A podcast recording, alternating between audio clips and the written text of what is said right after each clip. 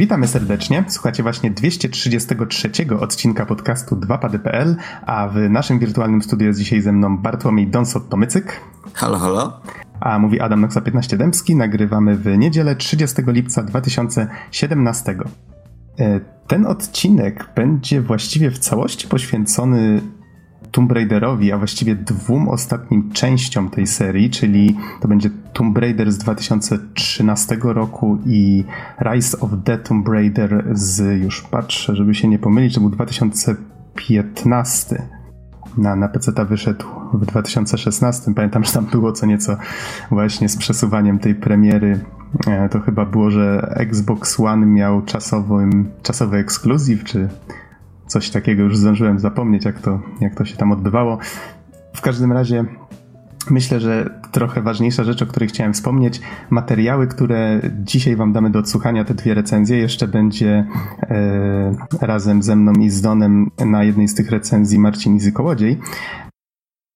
Te recenzje były nagrane już dość dawno, konkretnie w zeszłym roku. Wspominam o tym głównie dlatego, żeby, żeby zapowiedzieć, że już właściwie kończymy ten nasz backlog opróżniać. Mieliśmy problem z publikacją w zeszłym roku. Dość częściej nagrywaliśmy niż, niż publikowaliśmy. W tej chwili z pomocą Mateusza, naszego montażysty, już udaje nam się troszeczkę ten backlog czyścić. I właściwie z 2016 te Tomb Raiderowe recenzje to chyba jest już przedostatnia rzecz, jaka nam została. Jeszcze pamiętam chyba recenzja e, z trzeciej części Zero Escape nam chyba została. No, niemniej niedługo przejdziemy już tylko do rzeczy nagrywanych w 2017. Mam nadzieję, że wyjdziemy bardzo szybko na prostą już z tym. No, a myślę, że przed recenzjami w takim razie Don, tak króciutko, w co tam ostatnio grałeś? No, z graniem to u mnie już być może niektórzy się przyzwyczaili, że nie, nie, zawsze jest różowo, natomiast mogę powiedzieć, że zakupiłem ostatnio edycję kolekcjonerską gry The Little Nightmares. Co prawda jeszcze, e, jeszcze jej wersja na PS4. E, co prawda jeszcze gry tak naprawdę nie uruchomiłem, nie zacząłem ogrywać, ale sama produkcja może być dosyć ciekawa, dlatego że to jest taki dosyć dziwny survival horror, z takimi dosyć groteskowymi postaciami i on wyróżnia się tym, że kierujemy taką małą postacią w żółtym płaszczyku o imieniu zdaje się Six, e, która, która musi gdzieś tam chodzić pod stołami i zakradać się, e, żeby jacyś właśnie jakiegoś rodzaju przeciwnicy nas nie zauważyli. Natomiast co jest właśnie ciekawe, to w tej grze odwrotnie. Widzimy przeciwnika prawie cały czas, natomiast, e, natomiast zazwyczaj, jak wiemy, w survival horrorach jest na odwrót, czyli że um, raczej próbujemy zgadnąć, gdzie jest jakiś przeciwnik, albo, albo po prostu go nie widzimy, pojawia się nagle, tutaj na teraz jest na odwrót, no, e, jest, jest po prostu inaczej. E, no i zobaczymy, jak to wyjdzie, a niestety zgrania, zgrania raczej niewiele. Mhm. O, to u mnie trochę inaczej. Jak jak skończyłem Personę piątkę, to się wziąłem za masę różnych rzeczy. Tutaj dwa i pół miesiąca przechodziłem Personę, więc musiałem sobie trochę odbić i pograć w, w krótsze rzeczy i przede wszystkim w dużo różnych rzeczy. Więc mam wrażenie, że zaczynam więcej gier niż kończę w tej chwili. Niemniej udało mi się skończyć Valhalla, o której krótko mówiłem już na którymś z poprzednich odcinków, więc może nie będę się powtarzał. E, taka fajna nowelka, gdzie pełnimy rolę barmana Myślę, że wrócę jeszcze do tego e, na podcaście, może jakąś mini recenzję nagramy. Udało mi się skończyć Resident Evil 4, którego nigdy wcześniej nie miałem okazji ograć. Gra jest bardzo fajna. Muszę przyznać, że nadal całkiem nieźle się trzyma, chociaż te archaizmy, zwłaszcza strasznie słaby port pecetowy, e, potrafią jednak dobijać, ale grało mi się całkiem fajnie, bawiłem się mm, całkiem sympatycznie. Nie wiem, czy będziemy nagrywać recenzję, ale zaopatrzyłem się na jednej z ostatnich wyprzedaży na PSN-ie w olbrzymi bundle różnych rezydentów, chyba od pierwszej części do, do szóstej ze spin-offami różnymi włącznie. E, niektóre z nich już miałem okazję ograć. Te pierwsze głównie będę ogrywał po raz pierwszy, tak to do tej pory patrzyłem, jak, jak ktoś inny przechodził, powiedzmy te części i zastanawiam się, czy na przykład w przyszłości nie zrobimy jakiegoś odcinka o całej serii, to mogłoby być całkiem, całkiem ciekawe. Zaprosilibyśmy może kogoś znajomego, kto się lepiej od nas w tym też orientuje. E, a tak to dzisiaj odpaliłem raptem pierwszą personę w wersji na PSP. Z tego co pamiętam, to jest gra chyba z 96. Już nie pamiętam, czy to było pierwsze PlayStation, czy jakaś inna platforma. Niemniej ta wersja na PSP i tak wygląda już dość oldschoolowo. E, ale byłem ciekaw, byłem ciekaw, jakie były korzenie tej serii. Więc zobaczę z chęcią właśnie, jak się w to gra. A tak to za, surfer zainteresował mnie jeszcze jedną grą i jest to Front Mission 3. Taka gra taktyczna z mechami. Też z pierwszego PlayStation, czyli właściwie tak troszeczkę cofnąłem się do tych czasów właśnie, właśnie końcówki lat 90.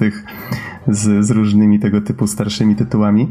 I muszę przyznać, że Front Mission też mi się całkiem spodobał i, i faktycznie, faktycznie zapowiada się na grę, którą skończę i może trochę więcej o niej będę jeszcze, jeszcze opowiadał. Zresztą mało jest chyba takich gier, które w trybie turowym pozwalają grać e, oddziałem złożonym z mechów, więc to, to jest dość interesujące już samo w sobie. No i to tyle ode mnie. Więc wydaje mi się, że możemy przechodzić już do recenzji. Przypominamy, że materiały nie są najnowsze, mogą odstawać jakościowo od tego, co nagrywamy ostatnio, e, jeżeli chodzi o jakość dźwięku i tak dalej. I jeszcze po. Najpierw zapraszamy Was na recenzję Tomb Raider tego z 2013, potem będzie recenzja Rise of the Tomb Raider i jeszcze do tego nagramy krótką wstawkę w której Don trochę uzupełni na temat Rise of the Tomb Raider, bo w momencie, kiedy nagrywaliśmy tamtą recenzję, to jeszcze gry nie skończył. Więc to, to będzie taka nowsza wstawka do tej recenzji. I nie przedłużając już bardziej, zapraszamy.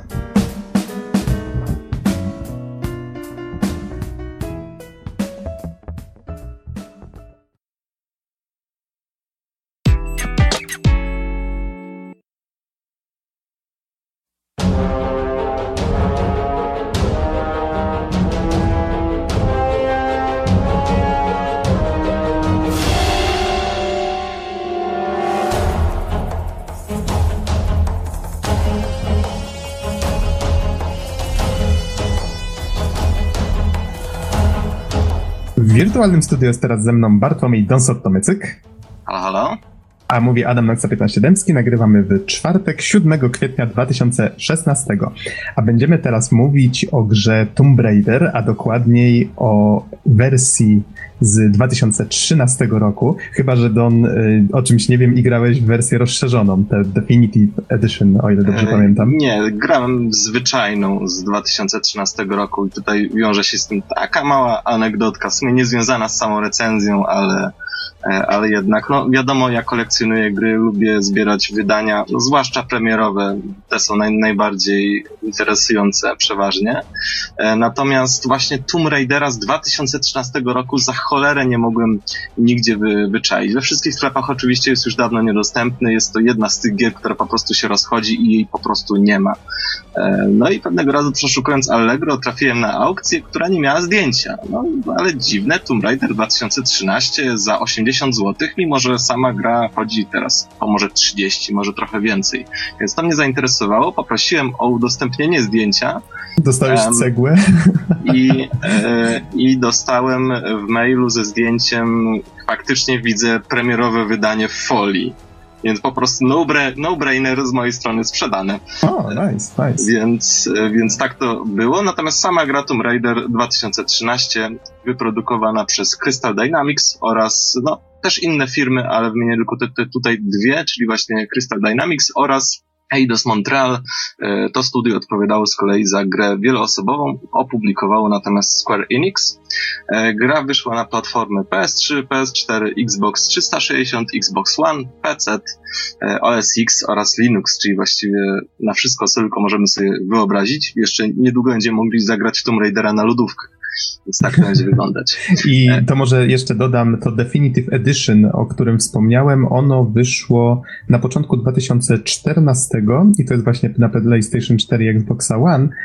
E, no i warto dodać jeszcze, że pod koniec zeszłego roku wyszedł sequel, który na początku 2016 wyszedł też na PC. Pewnie będziemy o nim niedługo mówić na podcaście. Mam Bardzo nadzieję, że jestem tak. zainteresowany, jak to wygląda, zwłaszcza, że sam go mam, więc pewnie się spróbuję przyłączyć do recenzji. No Mhm. dobrze, e, Tomb Raider 2013 jest to oczywiście przygodowa gra akcji, jak to się ładnie określa, e, tak zwany reboot serii, e, czyli opo- próba opowiedzenia jej od początku i w gruncie rzeczy próba odpowiedzi na pytanie, jak to się stało, że Lara z młodej, niewinnej kobiety staje się, no, kiczowatym odkrywcą z dwoma pistoletami w dłoniach. I tutaj oczywiście e, zastrzegam, że e, sam osobiście bardzo lubię serię Tomb Raider e, i to, że użyłem słowa kiczowaty niekoniecznie oznacza negatywne określenie, dlatego że no, wystarczy poszukać sobie jakichkolwiek okładek starych Tomb Raiderów czy różnego rodzaju grafik promujących tę grę. No, mamy Larę, która ma oczywiście, często pojawiają się ciemne okulary, dwa pistolety, przesadzony seksapil. No, są to pewne podpowiedzi, które sugerują nam, że nie powinniśmy tego brać tak zupełnie na serio.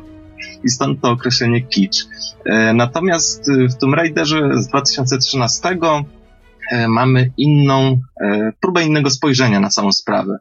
Czyli jakby wzięcie historii Lary trochę bardziej na serio. I w gruncie Nawet, rzeczy... nawet bardzo na serio. I w gruncie rzeczy tutaj rysują się takie sformułowania jak dramat, naturalizm. E, O tym jeszcze wspomnę trochę później, ale, ale już jest to na samym początku dosyć interesujące podejście, zwłaszcza pod kątem poprzednich gier. Mhm. Jest to coś innego. Jeżeli, jeżeli mogę coś dodać, e, bo wiem, Don, że ty na przykład nie grałeś e, w Uncharted, prawda? Nie, ale słyszałem, że, e, że właśnie ten Tomb Raider wzorował, wzorowano właśnie na nim, na tej grze i szczerze powiedziawszy widać, że, że, że jest inny niż pozostałe gry z serii. Tak, tak. Domyślam się, że to było na tej zasadzie, że najpierw Tomb Raider zainspirował twórców Uncharted, co raczej nie jest niespodzianką. Potem, jak Uncharted zaczęło się robić coraz bardziej popularne, odnosić większe sukcesy, to twórcy Tomb Raidera zainspiro- zainspirowali się tym, co zrobili twórcy Uncharted, tylko żeby się trochę odróżnić od takiej y, trochę zawadiackiej, humorystycznej wersji przygodowej właśnie w Uncharted, oni chcieli zrobić coś bardziej poważnego i myślę, że też stąd trochę ten kontrast wychodzi. Mhm. Więc jak się udało? No, zobaczymy. E, sam jestem ciekaw. w każdym razie, mm, oczywiście cała rzecz zaczyna się wyprawą archeologiczną w poszukiwaniu czegoś w rodzaju zaginionego królestwa Yamatai, e, ludu e, również zaginionego. E, nikt nie wie właściwie, gdzie oni e, mieszkali, kim oni dokładnie byli. E, to taki dziwny lud, który czcił tak zwaną Słoneczną Królową. Ale i tak Oczywiście. ich poszukajmy. Dlaczego nie? To jest Tomb Raider, fuck it, zróbmy to. W każdym razie mm, statek Endurance, oczywiście z doktorem Whitmanem, swoistym kierownikiem wyprawy oraz młodziutką Larą na pokładzie, wypływa do tak zwanego smoczego trójkąta, który się znajduje nie tak całkiem daleko u, u, brze- u wybrzeży Japonii, także tej rzeczywistej Japonii, bo jest to właściwie rzeczywiste miejsce. E, No przynajmniej w grze okolica słynie z nieprzewidywanych sztormów, no i oczywiście e, przez to jest niezbadana. No i to, mm, to też budzi pewne, pewne wątki fabularne, które można tam zawrzeć. Okręt oczywiście się rozwija, co nie jest, nie, nie jest niespodzianką dla nas, ale za to jest niespodzianką dla bohaterów. Em, I w gruncie rzeczy, em, kiedy okręt się rozbija, to jest zresztą pokazywane na różnego rodzaju trailerach gry, e, mamy do czynienia z taką e, dosyć e, nieprzyjemną sytuacją. Otóż grupa rozbitków właśnie z tego okrętu, między innymi Lara, Whitman, czyli ten jakby kierownik wyprawy, Rod, żołnierz, który pełni rolę kogoś w rodzaju mentora i jeszcze no, parę ładnych postaci, e, rozwijają się na wyspie, próbują jakoś, jakoś na niej przetrwać, zorganizować się, e, tym bardziej, że mają do czynienia z zagadkowym ludem, jakimś społeczeństwem rabusiów, złomiarzy, zbirów, e, którzy mają jakąś dziwną wiarę i dziwny kult. No i oczywiście, jak bywa w tego typu grach, jest to lud wrogo nastawiony, który najpierw strzela i porywa, a potem pyta. E, Do tego, mm, do tego cała właściwie wyspa jest upstrzona różnego rodzaju konstrukcjami, wieżami, czy wręcz całymi wioskami zbudowanymi z resztek okrętów, które się wcześniej rozbiły. E, I nawet część z tych budowli jest skonstruowana na starych zabudowaniach i ruinach, więc tutaj jakby ten, ta grupa zbirów, ten lud odgrywa dosyć istotną rolę w grze, chociaż szczerze powiedziawszy, e, początkowo wydawało mi się to dosyć nieinteresujące. Tak, o samej wyspie, jeżeli tego, mogę się wtrącić. Tak, do, tego, tego co... jeszcze, do tego jeszcze przejdę za chwilę. Mhm. Z tego, co pamiętam przynajmniej, to sama wyspa, te, te wszystkie budowle, konstrukcje, o których wspomniałeś, były o tyle fajne, że czuć było, że ta wyspa ma jakąś historię, że już nie jedno się na niej wydarzyło, tak? Teoretycznie tak, ale szczerze powiedziawszy, e, narracja w tej grze to jest coś, co za chwilę, czemu za chwilę poświęcę pewien, e, pewien element swojej recenzji. W każdym razie, generalnie rzecz biorąc, w dużej części gra skupia się na tej właśnie swoistej próbie ucieczki z tej wyspy, czy próbie uratowania, zebrania rozbitków w obliczu tego właśnie agresywnego ludu. E, I tutaj wchodzi to tajemnicze sformułowanie, że nikt nie może opuścić wyspy. I stopniowo historia skupia się właściwie no, nie już na ratowaniu, chociaż to też jest dosyć istotnym elementem, ale raczej na odkrywaniu całej tej tajemnicy wyspy. Co to właściwie się zdarzyło i z czym e, mamy na niej mm, do czynienia. Dlaczego, dlaczego ciągle pojawiają się burze, które, które rozwalają wszystko, co mogłoby z, z wyspy odpłynąć lub odlecieć. E, jest to historia, wydaje mi się, oparta na bohaterach. Generalnie oczywiście dosyć istotną rolę odgrywa tutaj sama Lara, która przecież no, to jest to ta przemiana, tak? Więc tu siłą rzeczy e, będzie miała duży, e, duży wpływ i dużą rolę. Natomiast są też postaci, które w tej przemianie odgrywają rolę. Na przykład tu wspomniany przeze mnie Rod, czyli mentor Lary. I w grze mamy na, naprawdę duże skupienie na tych postaciach. E, pozostałych rozbitków, próbę pokazania ich charakterów, e, próbę pokazania ich motywacji, czy ich nawet wzajemnych jakichś rozmów czy relacji. E, można to zauważyć choćby wtedy, kiedy tuż po rozbiciu się Lara po prostu ogląda e, nagrania z kamery z okrętu, którą ma przy więc, więc tutaj mamy jakąś ekspozycję, kim ci ludzie w ogóle są. więc mamy nie tylko tutaj, a przy początku, ale i także w późniejszych częściach gry mamy też więcej dialogów, e, tych relacji między postaciami. Zdaje mi się, że nawet więcej niż w poprzednich grach. Ja nie grałem we wszystkie. E, głównie pamiętam Anniversary, Underworld i Legend. I z tego co pamiętam, to jakby wszystkie te części skupiały się głównie na Larze. A tutaj dochodzą też inne postaci. E, I moim zdaniem dzieje się to na szkodę grze. E, dlatego że, no, krótko mówiąc, postaci nie zachowują się jak żywi ludzie. Jeśli pamiętacie moją recenzję Wiedźmina, czy nawet y, kilku innych gier, które ostatnio robiłem, w, którym, w których właśnie podkreślam, że postaci zachowują się jak żywi ludzie i to jest świetne, to, y, to nie jest y, jakieś takie infantylne czy nic nieznaczące sformułowanie, czego właśnie dowodzi Tomb Raider. Dlatego, że dlatego że niestety bohaterowie tutaj, mówię tutaj zwłaszcza o rozbitkach, ale też, też jakby głównych przeciwnikach, e, czy, czy jakby głównym przeciwniku jest jednocześnie szefem całego tego kultu, to jest tak zwany Matias. E, niestety ci bohaterowie są stereotypowi i jednowymiarowi. Znaczy u każdego dominuje jedna cecha. Czyli przykładowo wspomniany Rod, to jest troskliwy opiekun, e, który zawsze, zawsze spokojnym tonem coś wyjaśnia. Reyes to jest taka zirytowana mechaniczka. E, doktor Whitman tchórz, a sam, e, która w tej historii odgrywa dosyć istotną rolę, to jest przyjaciółka Lary. Ona w gruncie rzeczy odgrywa rolę i ma cechę, jakbym nazwał ją roboczo, księżniczką Peach Super Mario Brothers. Myślałem, że powiesz, że jej główną cechą jest bycie przyjaciółką Lary, bo tak to wspominam mniej więcej. E, no, ja, ja to wspominam jeszcze trochę inaczej, tak? To jest księżniczka Peach Super Mario Brothers. Po prostu taka jest rola jest porwana i trzeba ją mhm. uratować. Ale tak, zgadzam się w pełni, że te postacie były bardzo jednowymiarowe i gdyby je wyciąć z tej gry, zupełnie nic by na tym nie straciła. Więc, um, tak jak powiedziałem, tu postacie są bardzo, nie tylko że jednowymiarowe, ale też są statyczne, to znaczy one nie zmieniają się z postępem historii, przez co można bardzo łatwo wyczytać, jaką rolę będą grały. E, no i niestety kolejna rzecz, która moim zdaniem, e, przynajmniej mój odbiór gry niemalże dobiła do końca, to fakt, że niemal każdy dialog jest dosłownie wytartym do białości schematem z wysokobudżetowych filmów akcji.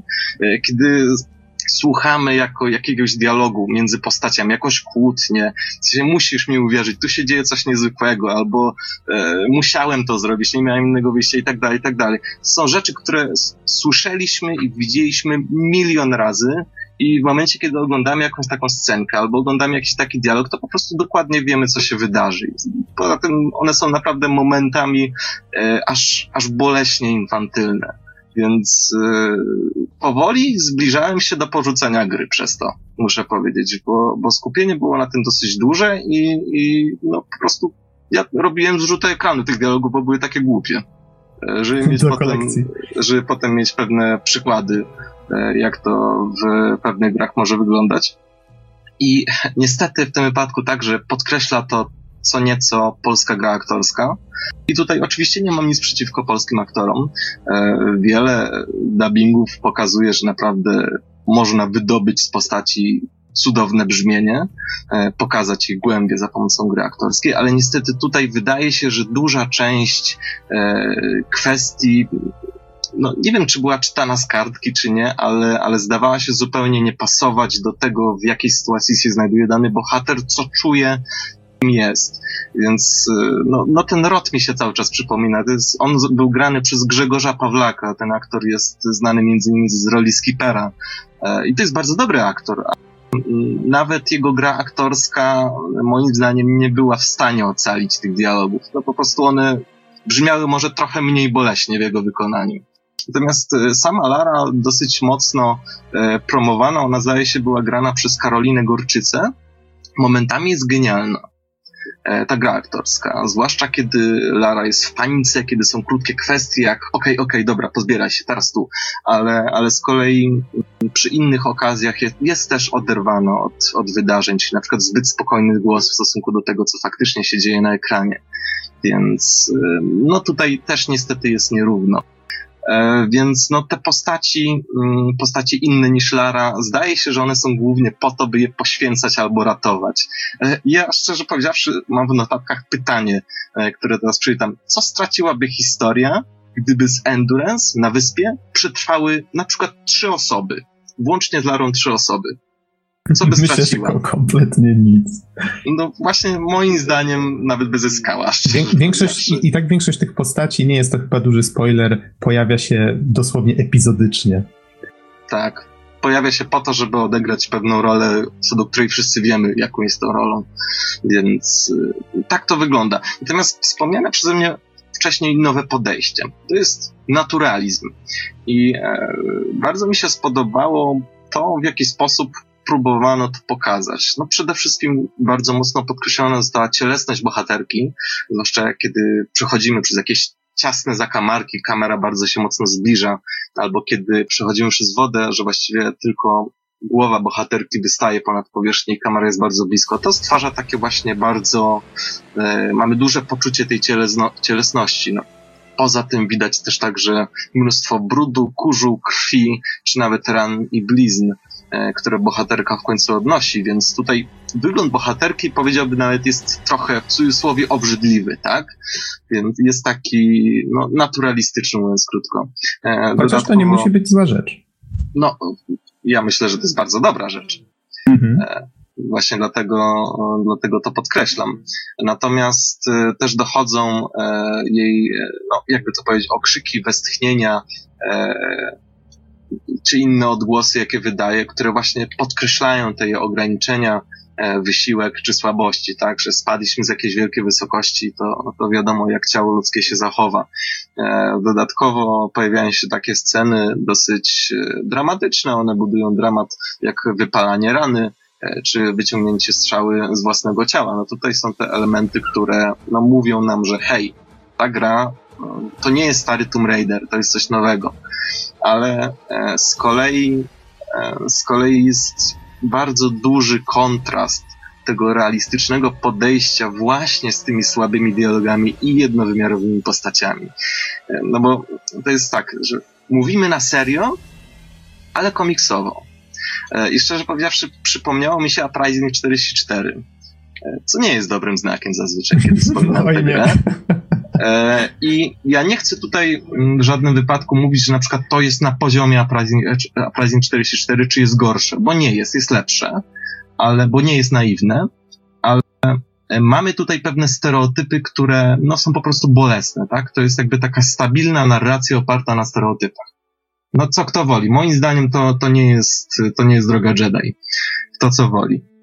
E, natomiast e, nie lecąc już po tej historii tak źle, chciałem podkreślić też tradycyjnie dobre w innych elementach, w innych częściach Tomb, Raidera, e, Tomb Raiderów też, e, tradycyjne dobre elementy gry. To właściwie coś, co zawsze mnie chyba najbardziej fascynowało w samej serii, to, to ukazywanie tej swoistej granicy między światem mitycznym a rzeczywistym i odkrywanie jakichś dawnych tajemnic, zapomnianych historii, legend związanych z ruinami, z jakimiś władcami, wierzeniami, to naprawdę e, wyszło bardzo, ale to bardzo fajnie, odkrywanie tej tajemnicy.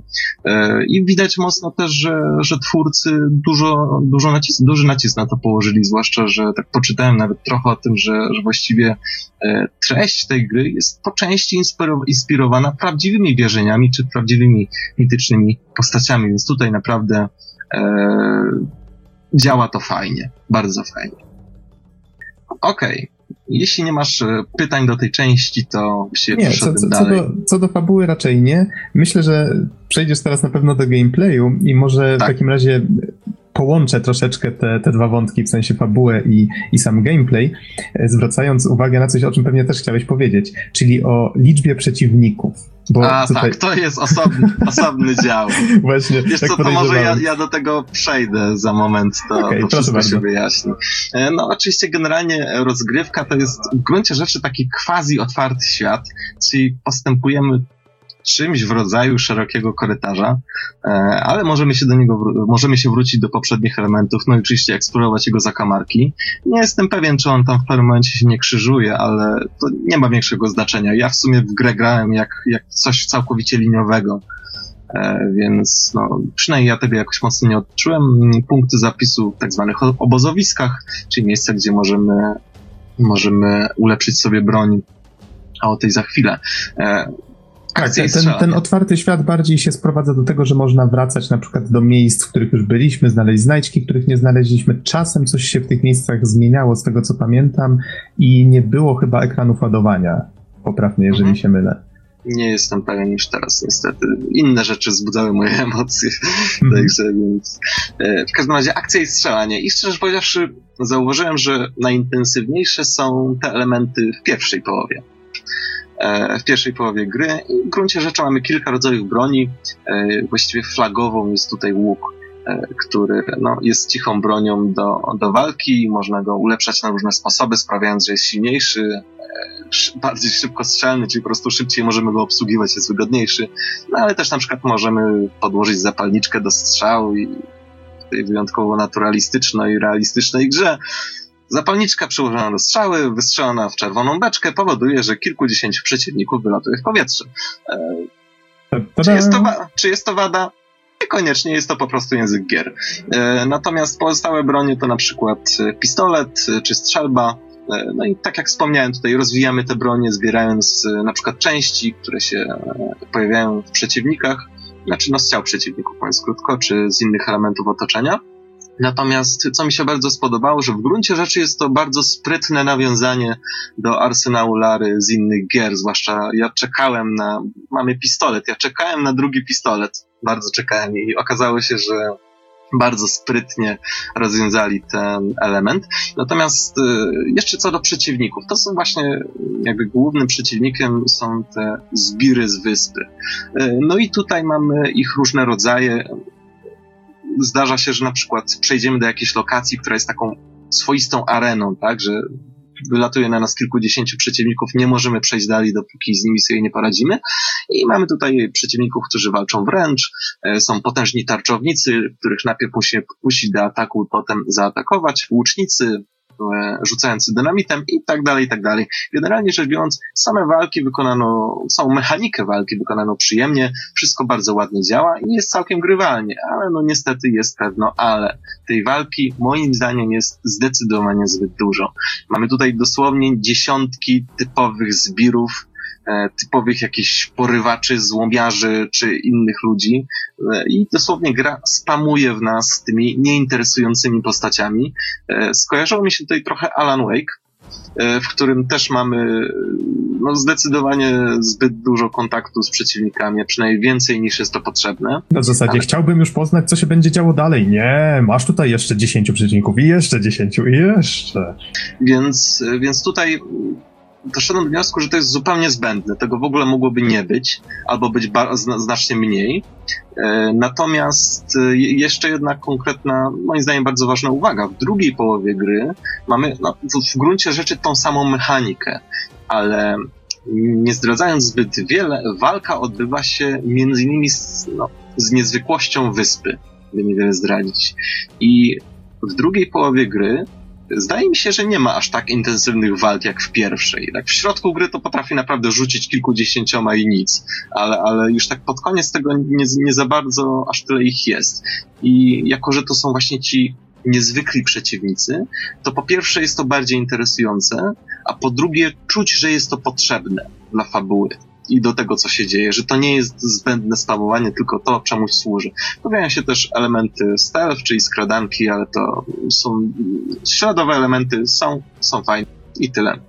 E, to, to może jeszcze nim przejdziesz dalej, e, dodam jedną ciekawostkę, mianowicie Rihanna Pratchett, która współtworzyła scenariusz razem, widzę tutaj na wiki, z Susan O'Connor, wypowiadała się na temat tego, że naciskała wielokrotnie w trakcie tworzenia tej części serii, żeby przeciwników było dużo, dużo mniej, że to jest historia w końcu o tym, jak Lara ma się właśnie przerodzić w tego Tomb Raidera, tak, w tego w tą osobę, która plądruje grobowce, a nie w jakiegoś zabijakę.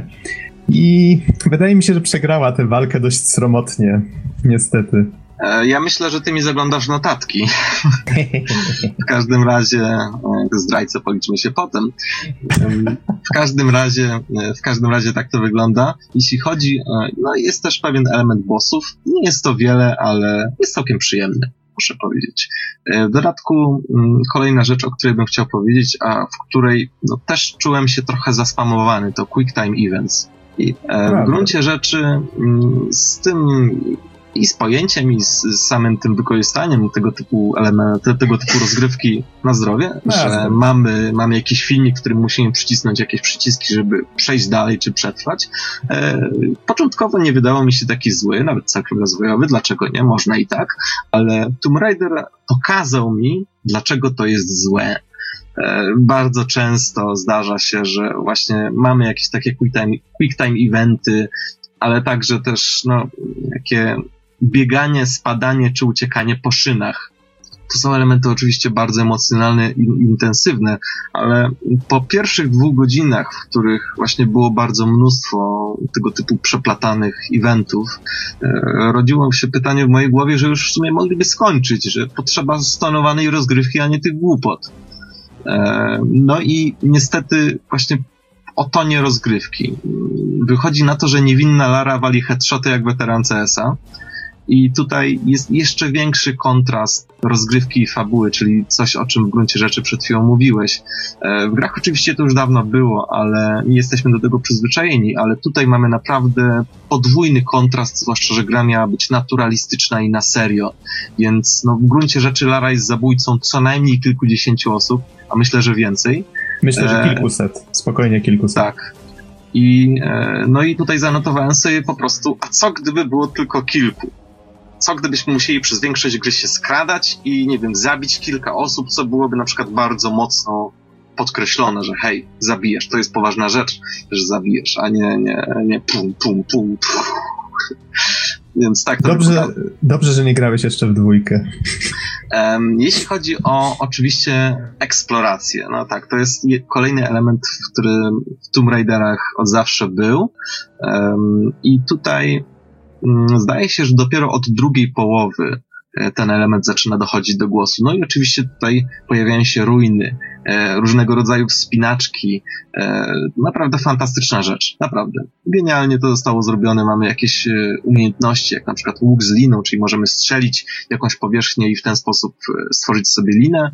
E, no i tam odbywają się pewne zagadki związane z, z otoczeniem, e, czy elementy zręcznościowe z użyciem właśnie czekanu, za pomocą którego wspinamy się po skałach, e, wyciągarki, którą możemy zaczepić na linię i tak dalej, i tak dalej. Więc tutaj te elementy zręcznościowe, czy proste zagadki oparte na otoczeniu, no myślę, że są takie jak zawsze, czyli świetne.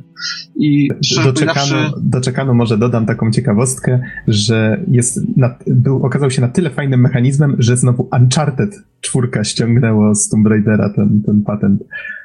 Okej, okay. więc, e, więc w każdym razie mm, to mi się zawsze podobało w Tomb Raiderze, to odkrywanie, eksplorowanie ruin lokacji i elementy zręcznościowe i tutaj naprawdę one dochodzą do głosu. Kiedy już dochodzą do głosu, to naprawdę zaczyna się robić bardzo przyjemnie. Jednym z moich ulubionych trybów właściwie były grobowce, czyli opcjonalne miejsca, do których mogliśmy zajść, nie musieliśmy, no ale w końcu mamy grobowiec w nazwie, więc powinniśmy. E, no i w gruncie rzeczy to były bardzo proste zagadki logiczne, zazwyczaj mieszczące się w jednym większym pomieszczeniu, które musieliśmy, e, musieliśmy rozwiązać, żeby dotrzeć do jakiegoś skarbu. No i właśnie właściwie to jest tyle. Ja szczerze powiedziawszy miałem wrażenie, że ta pierwsza połowa skupiona na akcji i druga połowa skupiona raczej na eksploracji i zręczności bardzo mocno się od siebie różniły. Jakby, jakby nie wiem, dwa teamy różne robiły te, te, te, części, albo, albo jakby zupełnie zmieniono kierunek, w którym gra idzie. Nie będę tutaj spekulować, w każdym razie one są naprawdę bardzo mocno od siebie różniące się i ta druga jest znacznie lepsza, bardziej stonowana. E, do tego, do gry dodano tryb multiplayer. Nie wiem po co, Pożal się Boże multiplayer. Nie wiem, nie wiem po co on został w ogóle dodany, to sobie zanotowałem w notatkach. On jest zupełnie nieprzemyślany i stereotypowy. Tak, mamy dwie drużyny plus tam jakieś warunki, czyli tak jedna strona gra rozbitkami, których możemy spotkać w grze, a druga strona zbirami. E, natomiast e, pierwsze co zauważyłem, to po prostu nie pasuje mi zupełnie to do koncepcji gry i starczy powiedzieć, że zagrałem kilka rund i dałem spokój. Pomijając, pomijając mhm. już to, że nie pasuje do koncepcji, jest strasznie wykonany. Też po paru, po paru rundkach miałem już go dość po prostu. Mechanika mhm. jest nieprzyjemna. To, co w grze się sprawdzało i było naprawdę fajne w multiplayerze, zostało w jakiś sposób zepsute. Nie warto, naprawdę nie warto. No więc starczy powiedzieć, że, że zrobiłem kilka i zapomniałem o tym trybie. E, natomiast króciutko o prawie graficznej czy audio jest naprawdę staranna, śliczna. E, zdaje się, że momentami trzyma się nawet po dziś dzień. Więc no, jest po prostu taką dobrą, wysokobudżetową produkcją, co widać. E, więc tutaj mi się to podobało.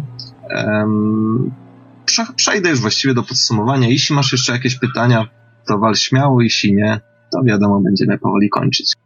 Mhm. Myślę, że możemy podsumować. E, więc generalnie rzecz biorąc, e, jak słyszeliście, jest to zupełnie inne podejście do serii Tomb Raider. Pewne rzeczy leżą i to są głównie nowe rzeczy, czyli skupienie na postaciach, dialogach, czy nawet częściowo scenariuszy, które po prostu nie, po prostu nie. Zbyt infantylny i zbyt głupi. E, natomiast pojawia się też dużo zbędnej walki, która też burzy burzy nastrój budowany przez, przez naturalizm i przez pewne scenki, ale e, pewne elementy są dobre tak jak zawsze były, czyli wspomniane przeze mnie łączenie mitologii z rzeczywistością, a poza tym najcharakterystyczniejsze dla Tomb Raidera eksplorowanie ruiny czy elementy zręcznościowe. To jest ode mnie tyle. E, mam bardzo, bardzo sprzeczne myśli o tej grze, e, ale cieszę się, że, że w nią zagrałem. Myślę, że każdy fan serii powinien, powinien wypróbować, przekonać się sam.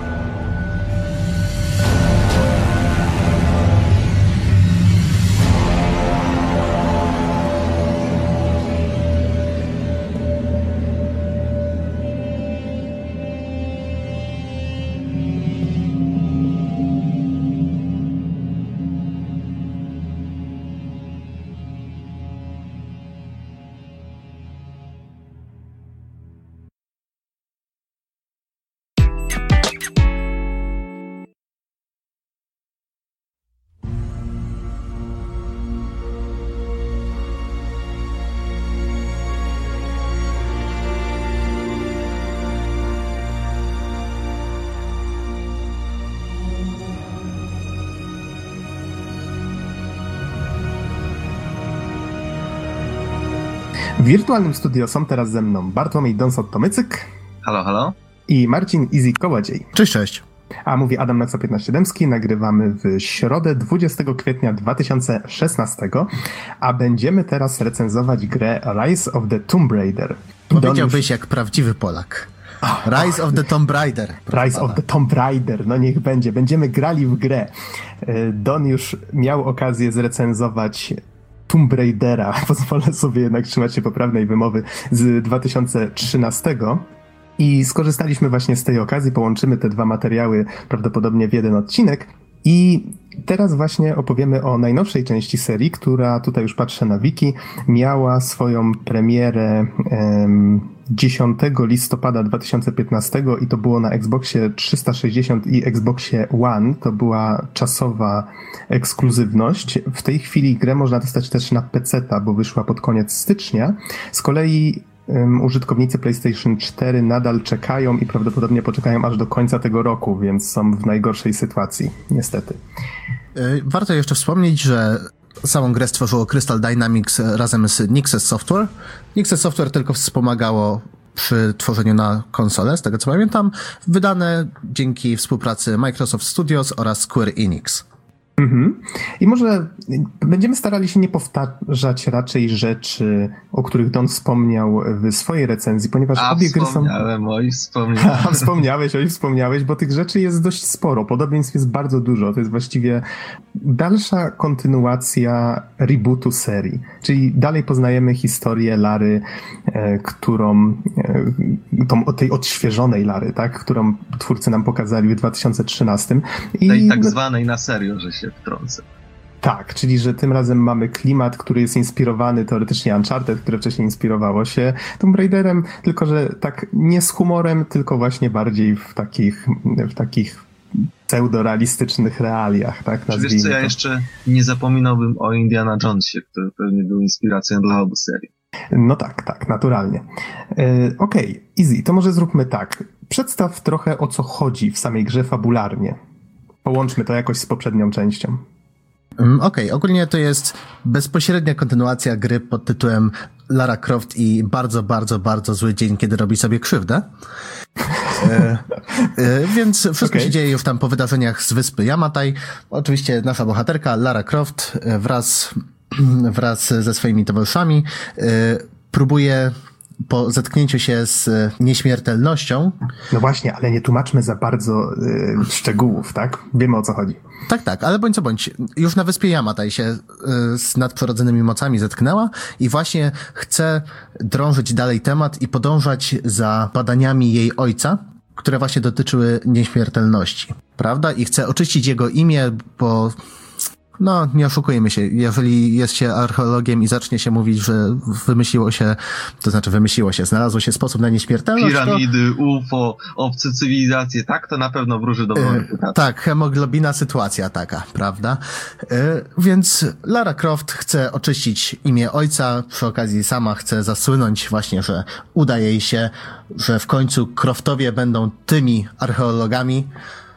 No i wyrusza właśnie wielką podróż najpierw do Syrii, y, aby y, właśnie dowiedzieć się o co w tym wszystkim chodzi. Tak, Ale, czyli kieruje, kieruje się notatkami swojego ojca i trafia na, trafia na organizację, która jak się okazuje z jej ojcem też coś miała wspólnego. W ogóle w grze dużo dowiemy się na temat ojca Lary z tej zrebutowanej wersji i trafiamy właśnie na organizację, która nazywa się Trójca, jakże oryginalnie. I jest to grupa fanatyków. E, oczywiście... Dlaczego? To jest taki klasyk właściwie. No, w sumie tak. I w sumie w ogóle cały pomysł na tę organizację to jest taki klasyk, też trochę Tomb Raiderowy, ale myślę, że w Uncharted też mieliśmy z tym nieraz do czynienia. Czyli mamy samotnego bohatera czy bohaterkę i mamy całą armię uzbrojonych po zęby najemników, którzy, którym przewodzi jakiś fanatyk i mamy właściwie wyścig po artefakt, tak? Ani jedna strona, ani druga tak do końca nie wie, czym jest ten artefakt, wiedzą tylko, że prawdopodobnie istnieje i że ma potężną moc, która e, coś im tam umożliwi. No w tym wypadku jest to pogoń za nieśmiertelnością.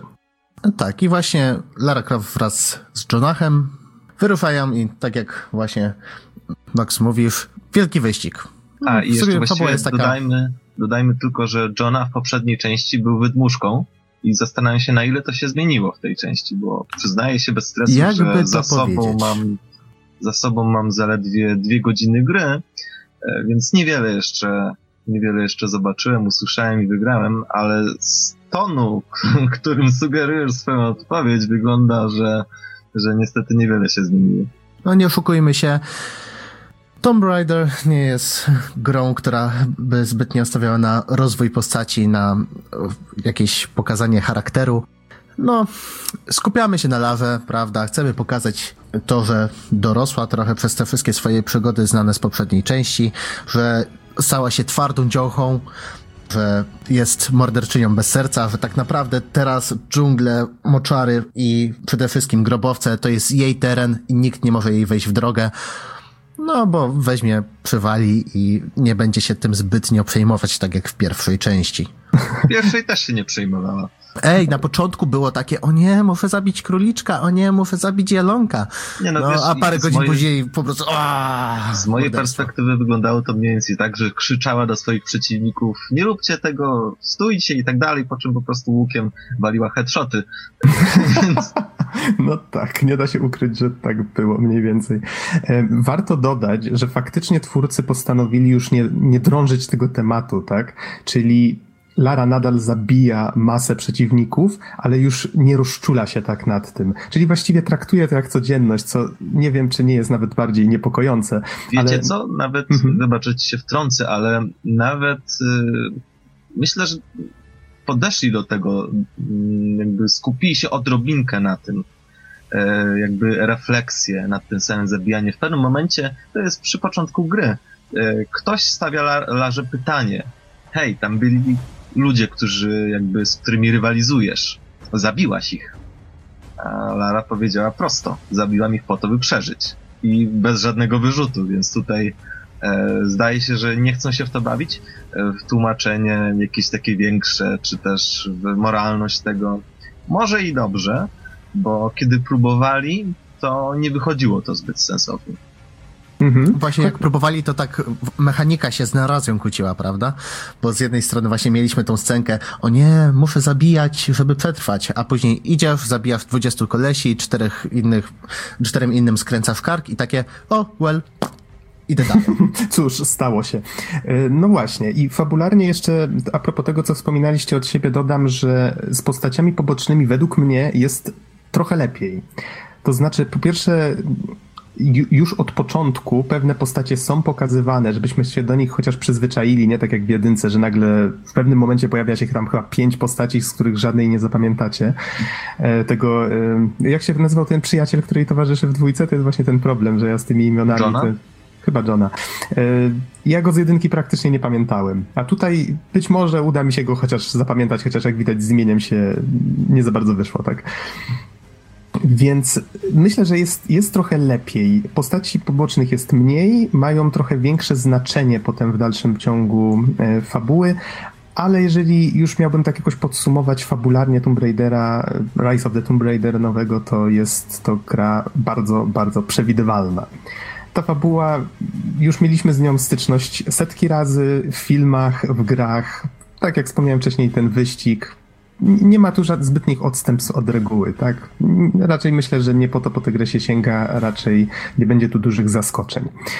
Em, czy mamy coś jeszcze do dodania o fabule, czy lecimy dalej? Ja bym powiedział trochę coś o postaciach i w sumie też o grze aktorskiej.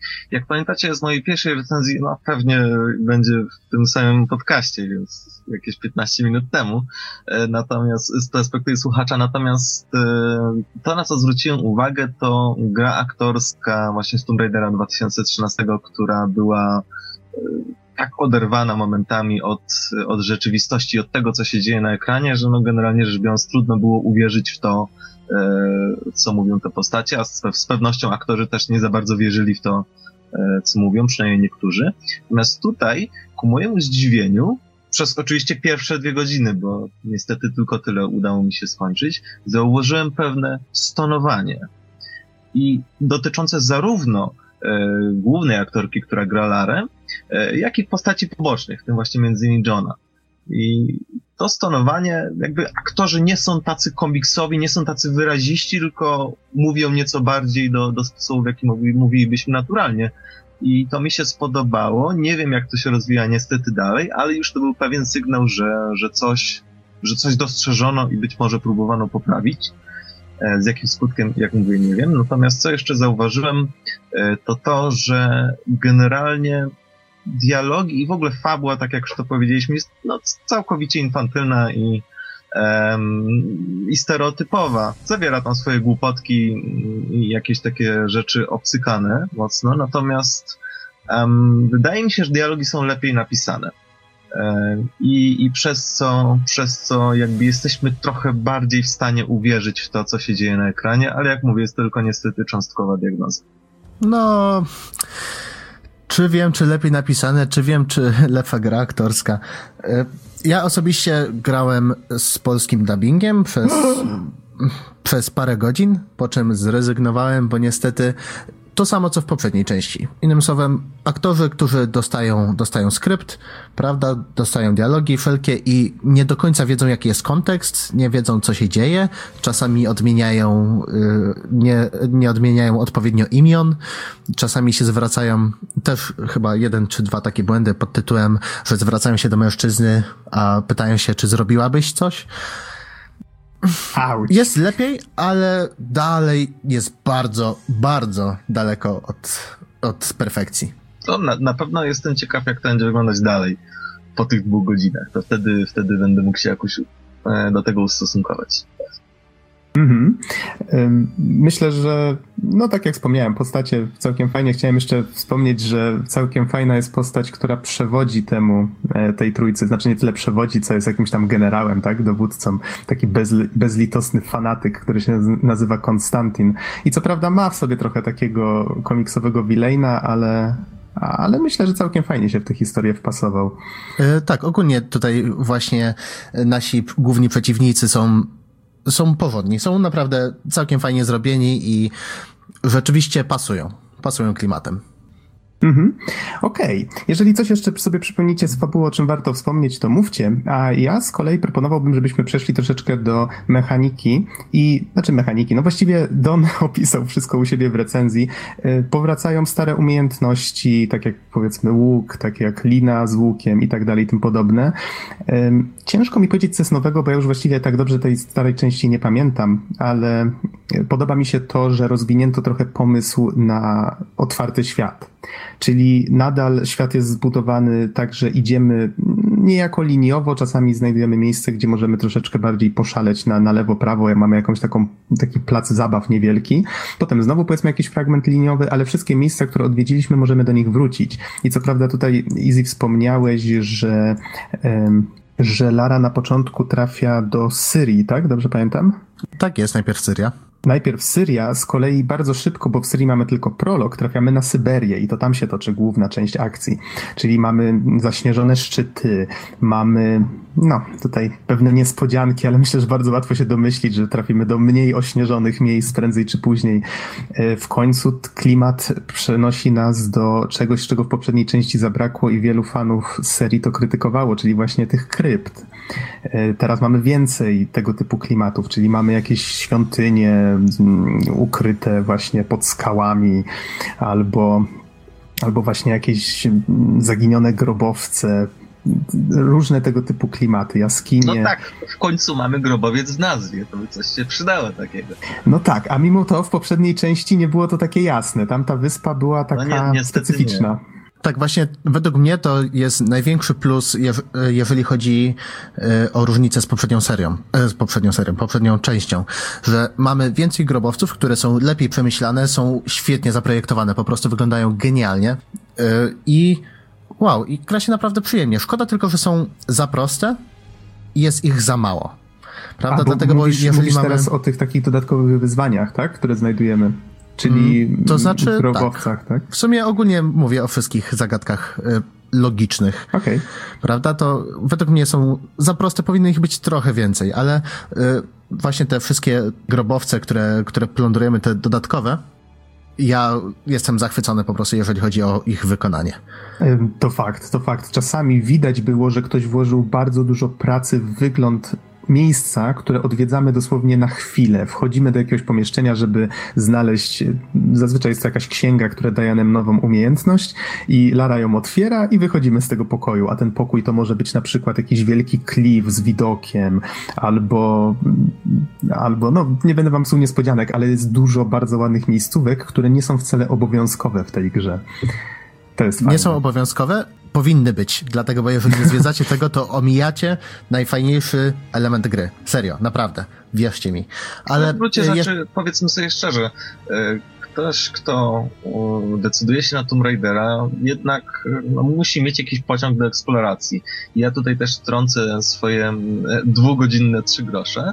E, otóż, co mi się spodobało, to muszę tutaj oczywiście potwierdzić to, co powiedział Nox. Widać, że od razu idą z grubej rury i starają się jakby nadrobić trochę to, czego zabrakło w poprzedniej grze, czyli od razu e, mamy już w pierwszych sekwencjach niemalże, może trochę późniejszych, no tak w prologu, e, choćby w tej Syrii mamy różnego rodzaju grobowce, świątynie, e, czy zaginione miasto, które, które gdzieś tam jeszcze w tle pozostaje. Więc e, to mi się bardzo podobało i czułem się naprawdę bardzo fajnie, że, że w końcu jakby w tym jakby współczesnym wydaniu najnowszym wydaniu mamy znowu to, co właściwie w Tomb Raiderze zawsze było najlepsze. E, co do grobowców, to czuję się właśnie podobnie usatysfakcjonowany jak e, w poprzedniej części. Pewnie się to zmieni. Zobaczymy, czy na, na lepsze, czy na gorsze. Zobaczymy jeszcze, akurat w moim przypadku.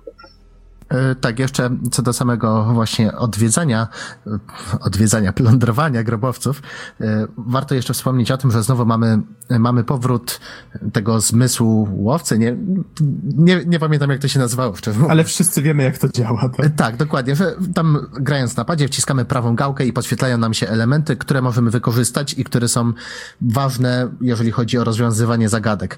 Ale niestety to, co mnie strasznie denerwowało, jak odpalaliśmy ten tryb, to Lara mówiła nam praktycznie, podawała na srebrnej tacy rozwiązanie zagadki. Na zasadzie przyciskasz prawą gałkę, żeby zobaczyć, czy mogę jeszcze, czy mogę zabrać jeszcze jakiś przedmiot, który leży obok. A Lara mówi, o nie, muszę przesunąć ten głaz. Idziesz trzy metry dalej, znowu wciskasz prawą gałkę, żeby zobaczyć, czy jest jakiś inny przedmiot w twoim w zasięgu widzenia. O nie, ten mówi, głaz nie, nie jest przesunięty. Dokładnie, muszę przesunąć ten głaz. To było, to było strasznie frustrujące dla mnie, szczerze mówiąc, bo to jest zagadki były całkiem, całkiem fajnie przemyślane, całkiem fajnie rozwiązane, były za proste. I nie dość, że były za proste, to jeszcze Lara cały czas. Muszę przesunąć ten głaz, muszę pociągnąć za dźwignię, muszę coś tam zrobić, muszę rozwiązać tą zagadkę. O nie! To jest bardzo piękny głaz, Shrek. No, trochę to tak wyglądało. I z podobną częstotliwością. To jest bardzo ładny głaz. To jest bardzo ładny głaz. To jest bardzo ładny głaz. W każdym razie, no okej, okay, może zagadki za proste i tak dalej, ale trzeba przyznać, że faktycznie miejsca, które zwiedzamy są śliczne, fajne i w ogóle. Jeszcze przypomniałem tak sobie, że skojarzyło mi się mocno mm, klimaty, które twórcom udało się miejscami stworzyć, e, skojarzyły mi się z drugą częścią Tomb Raidera, tego klasycznego naturalnie. E, I dodatku do niego to był bodajże Golden Mask, jeżeli dobrze pamiętam. Tam były właśnie jakieś ośnieżone bazy, chyba nawet poradzieckie i tutaj też, też się tym zainspirowano, czyli mamy właśnie tą Syberię, mamy jakieś stare instalacje wojskowe pozostawione przez, przez Rosjan i widać trochę części wspólnych właśnie z tymi starymi, takie punkty zaczepienia do tych starych Tomb Raiderów i to mi się podobało, całkiem przyjemny smaczek.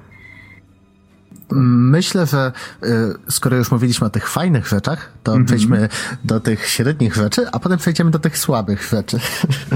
A to może jeszcze o czymś mocnym?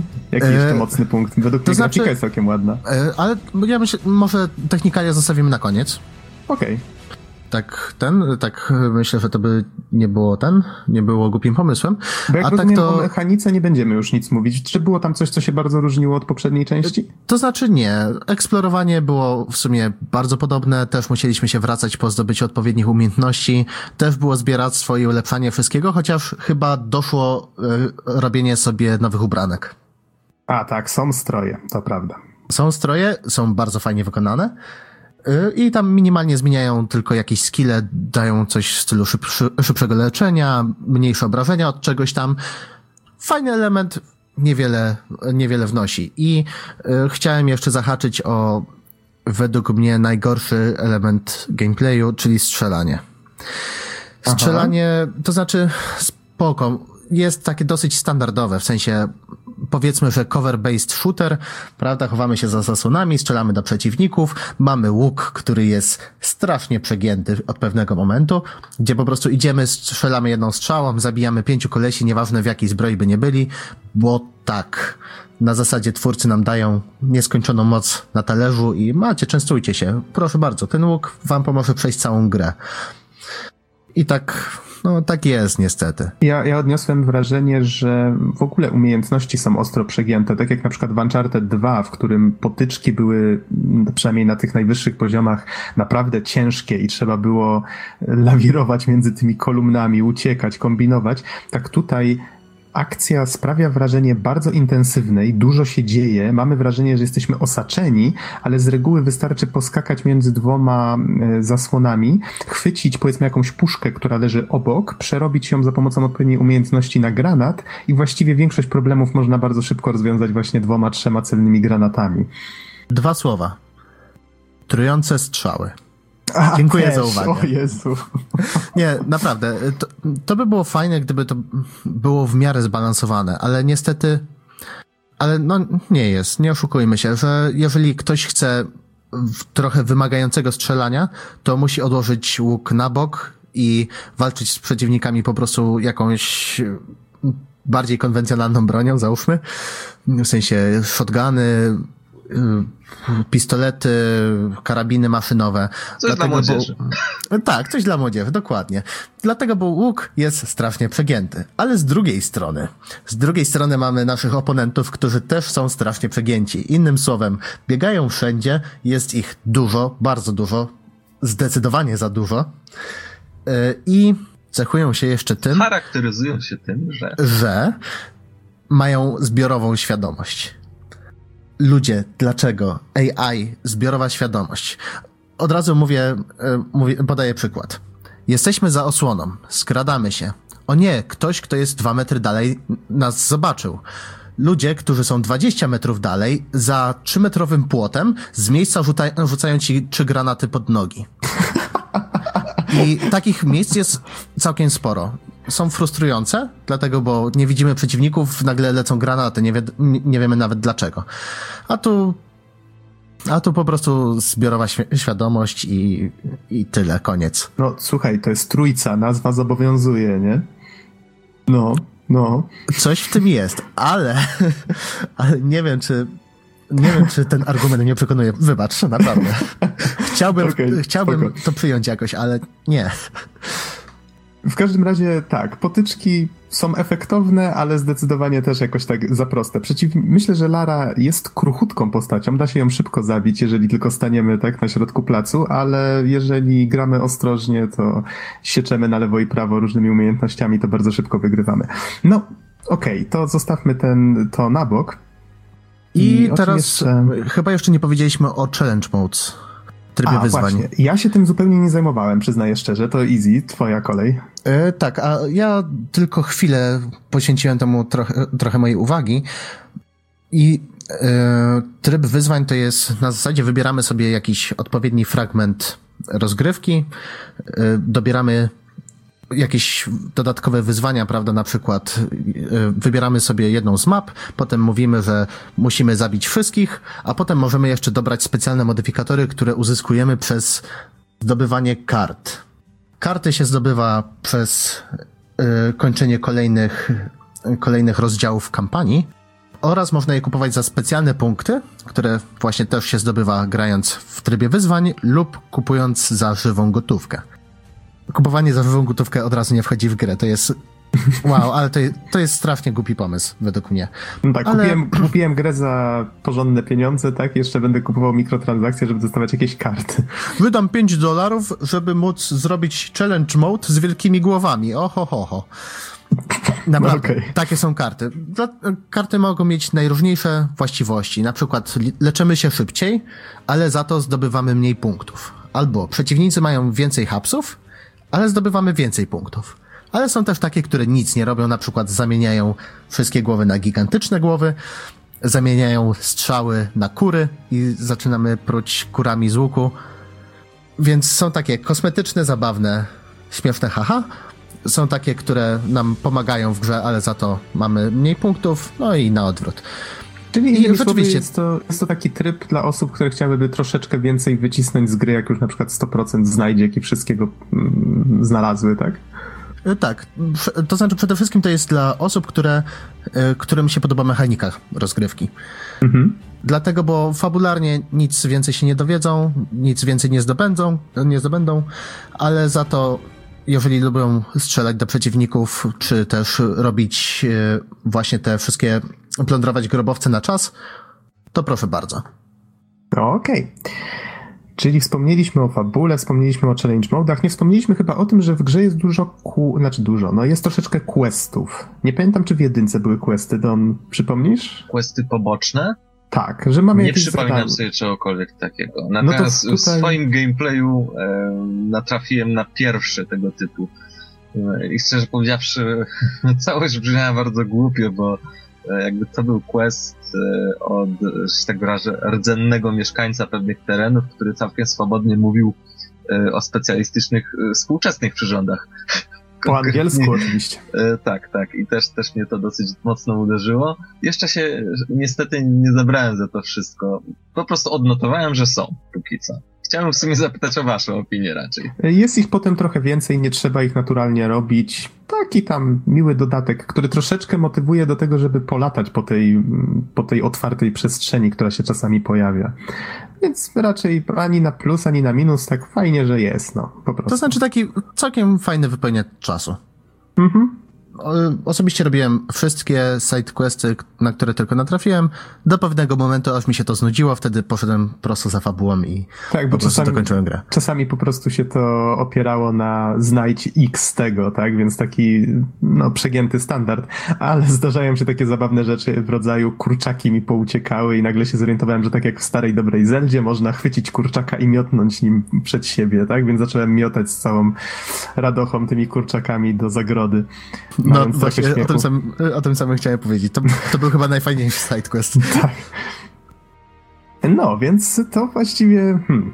Czy jeszcze o czymś nie wspomnieliśmy? Mieliśmy wspomnieć o oprawie, a wydaje tak. mi się, tak. że to jest o tyle ważna kwestia, że gra na początku wyszła tylko na Xboxa One, tak, i 360. Tej wersji 360 nie widziałem. Tom z One pamiętam, że przez parę minut miałem z nią styczność na e, Poznań Game Arena i na podcaście już mówiłem, że wyrządzono tej grze wielką krzywdę, bo e, wyraźny brak antyaliasingu kłuł w oczy straszliwie. No to na PC naturalnie tego problemu nie ma i gra według mnie wygląda wygląda bardzo ładnie. PC Gaming Master Race?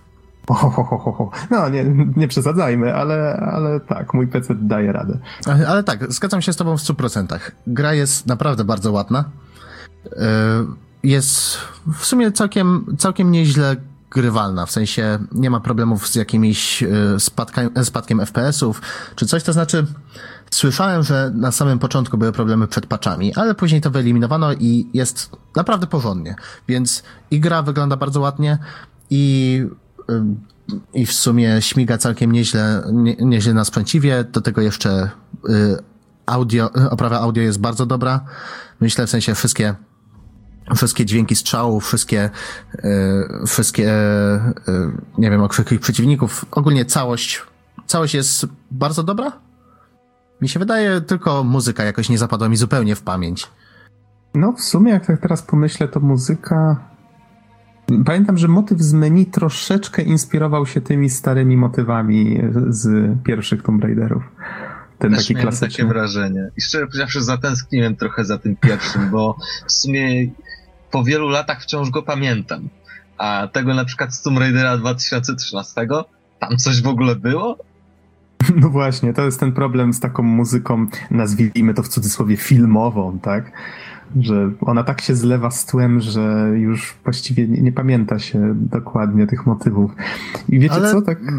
Ale tak na dobrą sprawę, jeżeli mhm. jej nie pamiętamy, to znaczy, że była co najmniej dobra. To znaczy, że była obojętna. Y, to znaczy, nawet nie, dlatego, bo jeżeli była, jeżeli jej nie pamiętamy, jakoś nie wgryzła nam się w pamięć, to znaczy, że pasowała do reszty i jakoś nie przeszkadzała. Więc ergo była dobra. Jakby nie pasowała, to byśmy zapamiętali. Zależy jeszcze, jak, jak zdefiniujemy, zdefiniujemy dobrą, no, ale ja myślę, że tutaj raczej, e, raczej byłbym za tym, że po prostu utwory no, może nie to, że nie pasowały, czy ten, ale po prostu odcinały się też samo w sobie, żeby dodawały do gry, a nie tylko wlewały się w to tło i przechodziły jakby po omacku. Mhm. Okej, okay. to myślę, że jeszcze chciałbym dodać jedną rzecz, no, która w sumie wywołała dużo kontrowersji. Y, otóż w pewnym patchu y, Rise of the Tomb Raider zaczął obsługiwać DirectX 12, co się wiązało no, z wielką burzą na forach, dlatego, bo masa ludzi pisała albo, że im nie działa, nie mogą odpalić gry, mają problemy, jakieś crashe regularne. Druga część pisała, że spoko mnie działa, ale zupełnie nie zmienia wyglądu, albo ewentualnie jest mniejszy framerate. I z jednej strony to było spoko posunięcie. Ja mam, na, mam nadzieję, że coraz więcej gier po prostu będziemy widzieć, że wspiera DirectX 12.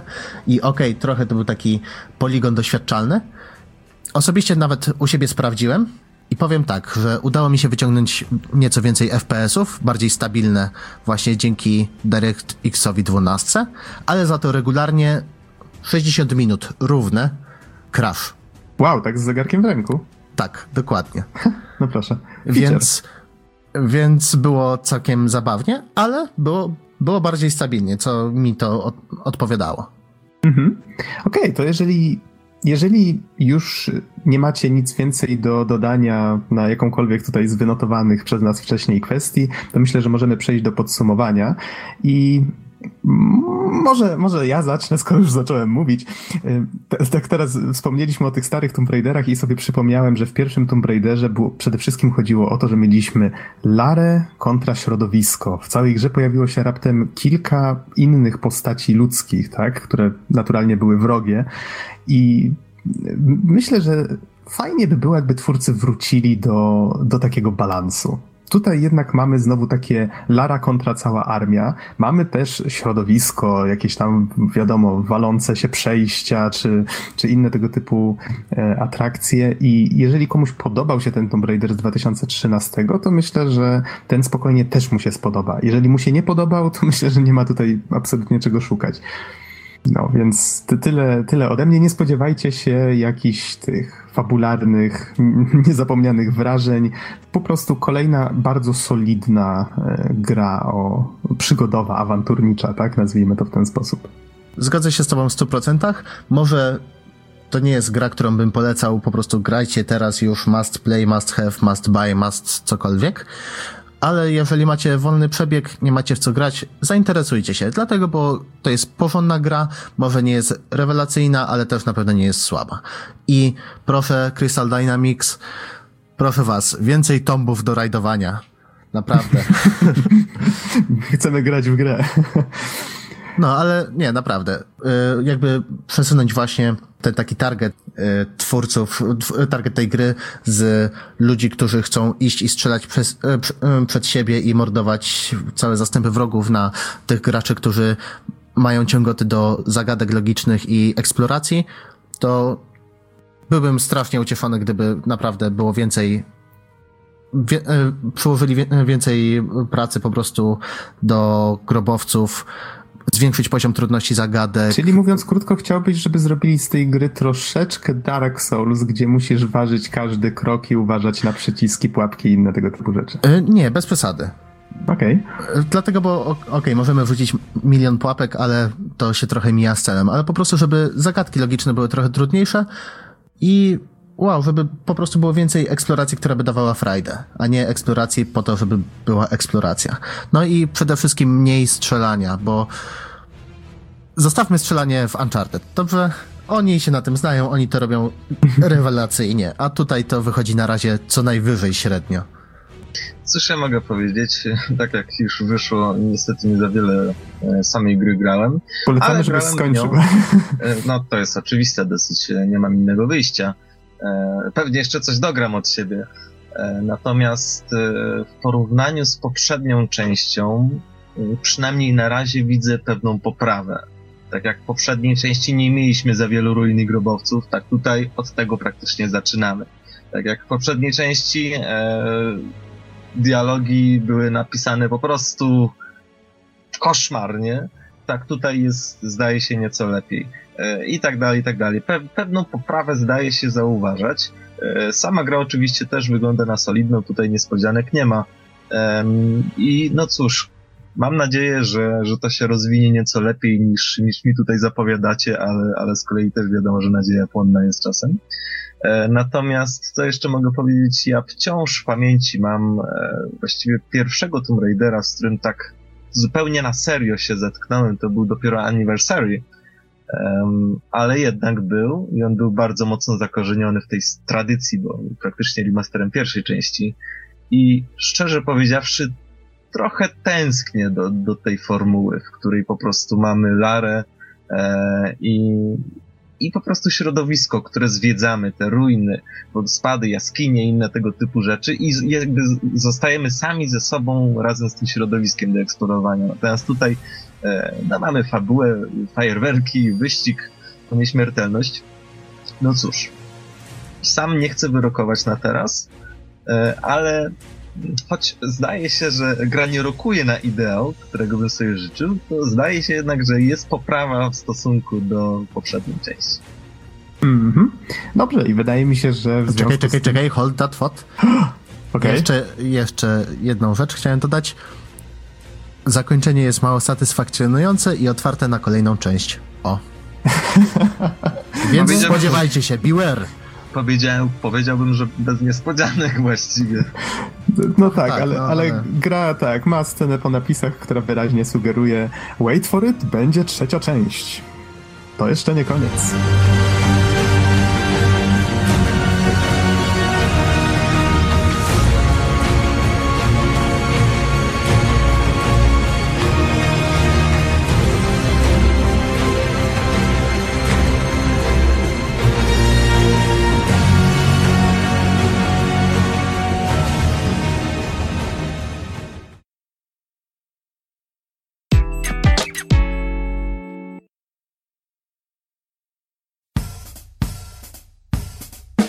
Hej, hej, z tej strony znowu Don No i teraz właśnie dodam kilka słów odnośnie recenzji Rise of the Tomb Raider, którą przed chwilą usłyszeliście. Pierwszą rzeczą, która myślę, że nie do końca wybrzmiała, a jest dosyć istotna, to level design i level art, który w pewnym momencie się ujawnia i jest po prostu genialny. Mówię tutaj zwłaszcza o różnego rodzaju świątyniach, grobowcach i ruinach, e, które Lara e, będzie w trakcie rozgrywki e, zwiedzać. Ich oczywiście od pewnego momentu zaczyna się robić bardzo dużo, są bardzo zróżnicowane, tak jakby twórcy chcieli jak najwięcej fajnych rzeczy zmieścić, ale to bardzo pozytywnie. Natomiast co, co mnie bardzo też e, ucieszyło, to to, że wszystkie te ruiny, świątynie, grobowce e, są przede wszystkim no, bardzo solidnie przygotowane, mają dużo detali. Ale co też jest ważne, taki, e, taka architektura bardzo często, no powiedzmy, to jest znacząca architektura, tak? Czyli teoretycznie e, tam fikcyjne ludy, czy jakieś inne narody, które, e, czy, czy, czy jakieś inne osoby, które przygotowały taką budowlę dla, dla tych osób, to jakby ta budowla, jej układ, jej zawartość, to co tam się znajduje, ma znaczenie. I tutaj właśnie Widać było, że, że chociażby e, rozkłady starych kościołów, to co się w nich znajduje, nie tylko e, wygląda świetnie, ale też no, jakby świetnie wpisuje się w pewną mitologię, którą poznajemy w trakcie postępów w samej grze. I przykładowo e, na drzwiach starego kościoła są płaskorzeźby z, z różnego rodzaju scenami.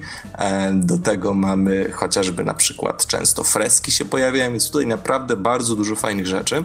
E, ja oba te Tomb Raidery, które które omawialiśmy w tym podcaście, przechodziłem po sobie zaraz i jak w, Tomb Raider, jak w Tomb Raiderze 2013 roku nie było prawie w ogóle tego typu elementów, tutaj było ich całkiem sporo. No właśnie pamiętam, to na mnie bardzo duży brak. Mhm. Przepraszam, że się wtrącę. Właśnie pamiętam, że bardzo duży nacisk kładłeś na to, jak ci się nie podobał w tym pierwszym Tomb Raiderze e, w ogóle chyba i klimat tej wyspy i dużo on rzeczy. Był, on był razie. bardzo nijaki, bardzo nijaki mm -hmm. i nawet próbowałem jakoś tak przekonać się, że tam może coś w tym jest, może trochę inaczej trzeba podejść do odbioru, ale niestety w ogóle tutaj y, był zupełnie nijaki. Tak naprawdę mieliśmy ten lud tych, tych, y, tych ludzi, którzy ze złomu udawali rzeczy i to tak naprawdę y, nie wiem, nie wiem, zupełnie mnie nie, nie przekonało. Być może to tylko moja opinia, ale, ale no mówię jak, jak uważam, jak jest. Czyli Rise of the Tomb Raider dużo lepiej uderzył w tę nutę oryginału. Tak, tak. Dużo lepiej w pewnym momencie naprawdę tych ruin było całkiem sporo. E, I także zagadek jakieś tam typowo środowiskowych, które się z nimi wiązały i właśnie to zrobiło właśnie na mnie dosyć spore wrażenie, zwłaszcza po lekturze poprzedniej gry z serii i właśnie przypomniało mi te właśnie troszeczkę starsze Tomb Raidery i uderzyło w tę nostalgię. Moim zdaniem to jest właśnie ten, ten kierunek, w którym seria e, najlepiej się odnajduje, być może tam właśnie powinna e, jakby swój ciężar przełożyć. E, co do fabuły i postaci, tutaj raczej bez niespodzianek e, wielu rzeczy nie mam do dodania. Mogę tylko wspomnieć, że wątek nieśmiertelności, który się tam pojawia, został bardzo ciekawie zarysowany wbrew pozorom, bo mamy dosyć intrygujący układ postaci, które próbowały dostać się do tego artefaktu, motywację tych postaci, um, sytuację, w jakiej znajdują się tych postaci. To naprawdę fajnie, fajnie to wszystko zostało podbudowane, natomiast e, ten wątek kurczę, Lara wypowiedziała jedno zdanie, e, którym praktycznie zbyła go całkowicie. Nie wiem, ja, ja jestem sobie w stanie wyobrazić wielu, wielogodzinne dyskusje, jakie mogliby ze sobą toczyć filozofowie na temat nieśmiertelności, a to wszystko zostało jednym zdaniem strącone. No ale no jakby sama gra też nie, nie uderza w jakieś takie bardzo ambitne e, tony. E, ale na obronę muszę powiedzieć, że mimo wszystko część dialogów jest napisana bardzo dobrze i na pewno znacznie, znacznie lepiej niż w poprzedniej e, grze z serii. E, chociaż z kolei Konstantin, który też pojawiał się tutaj w recenzji, moim zdaniem był dosyć mocno przekoloryzowany, mocno komiksowy i w ogóle przynajmniej mnie nie przekonał. Mhm. Okej. Okay. I tutaj warto dodać właśnie, że to są twoje wrażenia z przejścia Rise of the Tomb Raider już po tym, jak nagraliśmy tą poprzednią recenzję, minęło już ponad rok, więc... Trochę tro czasu. Trochę, trochę czasu. czasu. Pobawiliśmy się trochę w archeologów, tak biorąc przykład z Lary i odkopaliśmy to. Chociaż w sumie to ona z, archo z archeologiem to ma tyle wspólnego, co... Czy ja myślę, że jeśli, jeśli mierzyć nas i Larry Croft w dziedzinie archeologii, to na pewno my jesteśmy lepsi, bo my artefaktu znalezionego nie niszczymy. Na przykład tych wszystkich ruin, które się zawalają nagle. Ale inna rzecz, która hmm. jest jeszcze warta e, wspomnienia, to to, że 11 października 2016 roku, czyli troszeczkę, no właśnie ten rok wstecz, e, ukazało się wydanie gry, które było przeznaczone na konsolę PlayStation 4 e, i to było wydanie o tytule Tomb Raider 20 Year Celebration, e, czyli po prostu 20 rocznica serii. To wydanie oczywiście miało taką charakterystyczną e, niebieską okładkę z sylwetką Lary. Ono było właśnie dostępne tylko na konsolę PlayStation 4 oraz na, dla tych, którzy zamówili sobie, um, zdaje się, Season Passy na Xboxie One. Um, natomiast, co chciałem dodać, to wydanie jest już e, dostępne na PC-tach tego jeszcze nie wiedzieliśmy, kiedy recenzję nagrywaliśmy, a myślę, że, że warto, warto dodać, że um, no, dodatek ten zawiera chociażby, e, chociażby mm, taki fragment grywalny w posiadłości Croftów o nazwie Więzy Krwi, więc jeśli komuś na przykład zależałoby na tym, żeby trochę bardziej, głębiej poeksplorować uniwersum, znaczy tę wersję uniwersum, którą teraz nam e, twórcy serii prezentują, to być może warto, warto się zapoznać, a teraz można zrobić to już na PC. Tak, trochę się już pozmieniało. Cieszę się, że, że do tego wróciliśmy, że tę sprawę już zamknęliśmy. Teraz możemy już te recenzje Tomb Raiderów zamknąć w takiej drewnianej skrzyneczce i wprowadzić w ten olbrzymi magazyn, który się ciągnie po horyzont, jeśli wiecie do czego piję. tak więc dziękujemy za uwagę. Do usłyszenia.